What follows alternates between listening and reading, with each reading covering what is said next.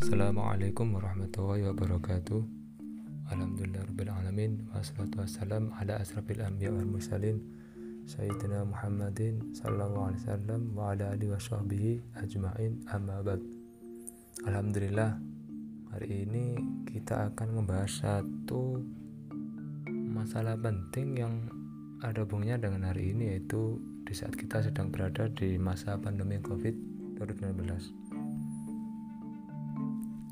Kali ini saya akan membahas sebuah tulisan yang mana tulisan ini sangat menarik untuk dikaji yang berjudul Tata Normal Baru Pesan Implisit tentang Eksistensi Allah. Karena hari ini seperti yang kita ketahui bahwasannya memakai masker, sering cuci tangan dan selalu menjaga jarak dalam suatu perkumpulan namanya menjadi sebuah fardu ain baru yang kini diterapkan hampir di seluruh dunia. Hal itu adalah protokol dasar yang mulai diberlakukan di seluruh negara akibat pandemi global COVID-19. Setelah menyerah kepada keganasan wabah yang berawal dari negara Cina itu, kini dunia diperkenalkan dengan istilah kehidupan yang baru yakni new normal atau tata dunia baru, alias tata kewajaran atau kebiasaan yang baru.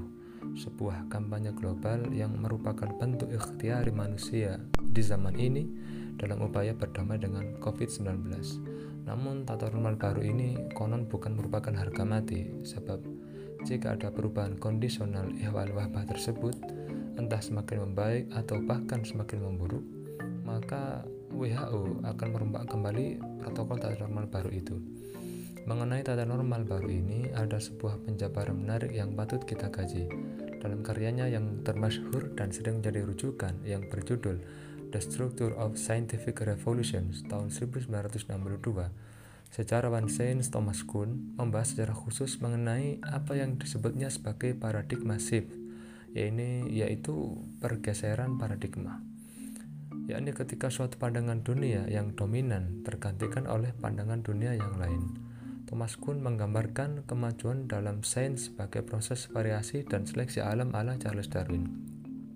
Dia tidak mengatakan bahwa peningkatan ketelitian dan kekuatan dalam memprediksi yang dihasilkan oleh sejumlah teori-teori baru menunjukkan bahwa penggambaran realitas alam yang lebih baik dibanding teori-teori yang dianut sebelumnya. Namun, mereka itu dipilih dari berbagai teori yang ada oleh komunitas ilmuwan kepada karena improvisasinya dalam penggunaan instrumen dan kemampuannya dalam memecahkan teka-teki dalam dunia sains. Salah satu contoh paradigma shift di dunia yang pernah mengoncang kemapanan teori global saat itu adalah teori heliosentris. Seperti yang kita ketahui bahwa teori sains yang mengkoreksi teori sebelumnya yang kadung dianut secara pakem oleh mayoritas warga Eropa saat itu.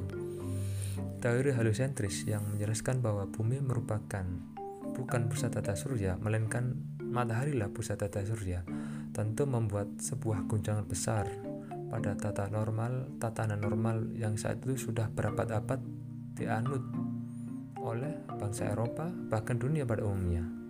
Bahwasanya paham geosentris yang mentahbiskan bahwa bumi adalah pusat tata surya. Ini adalah paham geosentris ini adalah paham yang awalnya dianut oleh bangsa Eropa dan hampir seluruh dunia. Dan teori geosentris Ptolemeus yang dianut masyarakat Eropa itu adalah mencari dogma baku di kalangan gereja Katolik, sehingga siapa pun yang menyelisihinya akan dicap sebagai bentuk pembangkangan atau murtad atau kufur dari ajaran resmi gereja Katolik saat itu. Terlepas apakah ilmuwan muslim Al-Sijzi yang sering dikutip oleh Al-Biruni ataukah Nicolaus Copernicus yang pertama kali menyebarkan gagasan teori heliocentris itu, yang jelas teori itu membuat gempar dunia astronomi pada saat tersebut karena dianggap menyelisih kenormalan dalam bidang astronomi yang dianut saat itu. Teori heliocentris ini bahkan meminta tumbal dengan dihukumnya beberapa ilmuwan besar Eropa saat itu seperti Leonardo da Vinci dan Galileo Galilei. Dikisahkan bahwasannya berbagai riset yang dilakukan oleh Galileo mengarahkan dia menjadi penasehat bagi penelitian yang dilakukan oleh astronom Polandia yakni Nicolaus Copernicus yang mana hasil penelitian Kopernikus tersebut ternyata menunjukkan bahwa matahari lah yang menjadi pusat tata surya, pusat alam semesta ini. Kesimpulan ini bertentangan dengan keyakinan gereja Katolik saat itu yang meyakini bumi sebagai pusat alam semesta atau teori geosentris. Sebagai ilmuwan, tentu Galileo mendukung fakta penelitian Kopernikus. Alhasil dia kemudian ditangkap dan dibawa ke Roma untuk menjalani inkuisisi, yaitu sebuah sistem pengadilan yang dibuat oleh Vatikan pada tahun 1542 untuk menegakkan hukum gereja. Pada, pada tanggal 22 Juni 1633, sidang inkuisisi menjatuhkan keputusannya terhadap Galileo. Keputusan itu dibagi dalam tiga bagian utama. Yang pertama, Galileo telah melakukan bid'ah karena meyakini matahari tidak bergerak dan menjadi pusat alam semesta serta bumi bukan pusat alam semesta dan justru mengitari matahari. Gereja Katolik memerintahkan Galileo untuk mengharamkan, mengutuk, dan membenci teori tersebut. Yang kedua, Galileo dijatuhi hukuman penjara dan dia kemudian menjalani status tahanan rumah seumur hidup. Yang ketiga, buku karya Galileo yang berjudul Dialogue Concerning the Two Sides The Two Shift System yang, yang menentang teori geosentris dilarang dan pengadilan juga melarang publikasi hasil karya Galileo tersebut termasuk yang akan ditulisnya di masa depan. Setelah menjalani hukuman tahanan rumah, Galileo tetap menerima tamu sehingga dia sakit dan meninggal dunia pada 8 Januari 1542 pada usia 77 tahun. Namun uniknya pada akhirnya tahun 1992, tepatnya tanggal 31 Oktober, Paus Yohanes Paulus II menyatakan penyesalan terkait tindakan yang dilakukan gereja Katolik terhadap Galileo tersebut. Paus Yohanes Paulus II akhirnya mengumumkan bahwa gereja Katolik telah melakukan sebuah kesalahan besar saat menghakimi pandangan keilmuan Galileo yang mendukung teori heliosentris yang akhirnya kini dipercaya oleh mayoritas umat manusia. Penjabaran paradigma shift atau pergeseran paradigma tersebut menarik jika kita kaitkan dengan situasi saat ini, di mana kita dapati bahwa tata normal baru hari ini pun telah mengkoreksi tata normal sebelumnya, dan bisa jadi kalau tata normal baru saat ini akan pula direvisi lagi oleh tata normal baru di masa datang. Dulu kita tahu menjadi sebuah kenormalan belaga ketika orang tidak memakai masker, saling berkerumun di berbagai tempat, bisa beribadah bersama, makan bersama, nonton bola bersama, ngopi dan ngobrol bersama. Yang semua itu bisa dilakukan tanpa harus saling menjaga jarak. Namun kini saat wabah COVID-19 melanda, hal itu dikoreksi total dan diganti menjadi kenormalan baru yaitu harus memakai masker, dilarang berkerumun, tempat orang biasa berkerumun bahkan ditutup dan harus saling menjaga jarak. Ini bisa disebut sebagai paradigma shift abad ini. Dan jika kelak wabah ini berakhir, maka tata normal hari ini bisa jadi pula akan dirubah lagi menyesuaikan keadaan yang berlaku di saat mendatang. Semua ini menandakan bahwa manusia beserta segala aturan yang mereka buat adalah bersifat dinamis, yakni selalu berubah. Bukan hanya peraturan dunia yang berubah-ubah, bahkan di dalam diri manusia sendiri selalu ada perubahan di tiap waktunya, di tiap detiknya. Artinya selalu ada penormalan baru atau tata normal baru dalam diri manusia tiap waktunya. Para ilmuwan memberi gambaran seberapa cepat manusia mengalami perubahan bahkan mulai dari tingkat terkecil yaitu tingkat sel. Siklus penormal baru di dalam diri manusia dan lingkungan sekitarnya yang berjalan tiap waktu adalah bukti bahwa manusia merupakan makhluk dan eksistensi makhluk adalah bukti adanya kholik yakni sang pencipta makhluk.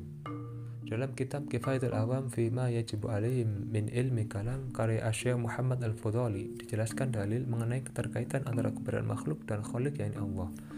Disebutkan, wa dalilu ala wujudi ta'ala hudusul alam ay wujudu ba'da adam. Dan dalil atas wujudnya Allah Subhanahu wa taala adalah barunya alam ini yakni wujudnya alam sesudah Adam atau adanya alam ini sesudah tidak adanya. Tubuh manusia, lingkungan, dan semua yang ada di alam semesta ini setiap saat secara berkala selalu diperbaharui. Dan pembaharuan itu akan diperbaharui oleh pembaharuan berikutnya. Artinya, kenormalan di suatu waktu akan direvisi oleh kenormalan lain di waktu selanjutnya. Dan pembaharuan ini akan mengalami pembaharuan lagi dan pembaharuan dan pembaharuan yang berkesinambungan ini adalah sifat khas dari makhluk yang senantiasa diperbaharui secara berkesinambungan atau dalam bahasa Arab adalah tasalsul. Maka makhluk dalam ilmu kalam atau akidah disebut sebagai hadis yakni yang memiliki arti sifat bersifat baru. Dan hadis selalu membutuhkan kepada muhtis yaitu yang selalu memperbaharuinya. Lalu muhtis tersebut membutuhkan muhtis yang lain untuk memperbaharui dirinya lagi. Maka dapat disimpulkan bahwa alam ini pasti memiliki muhdis لأن كل حادث لا بد له من محدث ولا محدث للعالم إلا الله تعالى وحده لا شريك له karena setiap yang baru atau hadis pasti ada zat yang menjadikannya baru atau muhdis dan tidak ada zat yang menjadikan baru bagi alam ini kecuali Allah SWT yang Maha Esa dan tidak sekutu baginya. Ini tertera dalam kitab Kifayatul Awam, Kifayatul Awam fi ma yajibu ali min ilmil kalam. Walhasil, fenomena tata normal baru akibat pandemi wabah COVID-19 ini bisa dikategorikan sebagai paradigma shift abad ini. Dan ibrah terpenting dari fenomena tata normal itu adalah bisakah kita membaca pesan tersirat yang diselipkan Allah taala di baliknya? Bahwasanya alam semesta yang terangkum dunia makrokosmos dan mikrokosmos di dalamnya adalah makhluk. Dan makhluk membutuhkan kholik yakni pencipta yang menciptakan mereka. Ini adalah contoh dari akli yang diselipkan oleh Allah taala kepada kita untuk memperkuat argumentasi kaum beriman dalam menyatakan kewujudan atau keeksistensian Allah SWT di alam semesta ini dan menolak paham orang-orang ateis menyatakan bahwa Tuhan itu tidak ada atau Tuhan telah mati. Allah alam bisawab. Semoga ada manfaatnya. Assalamualaikum warahmatullahi wabarakatuh.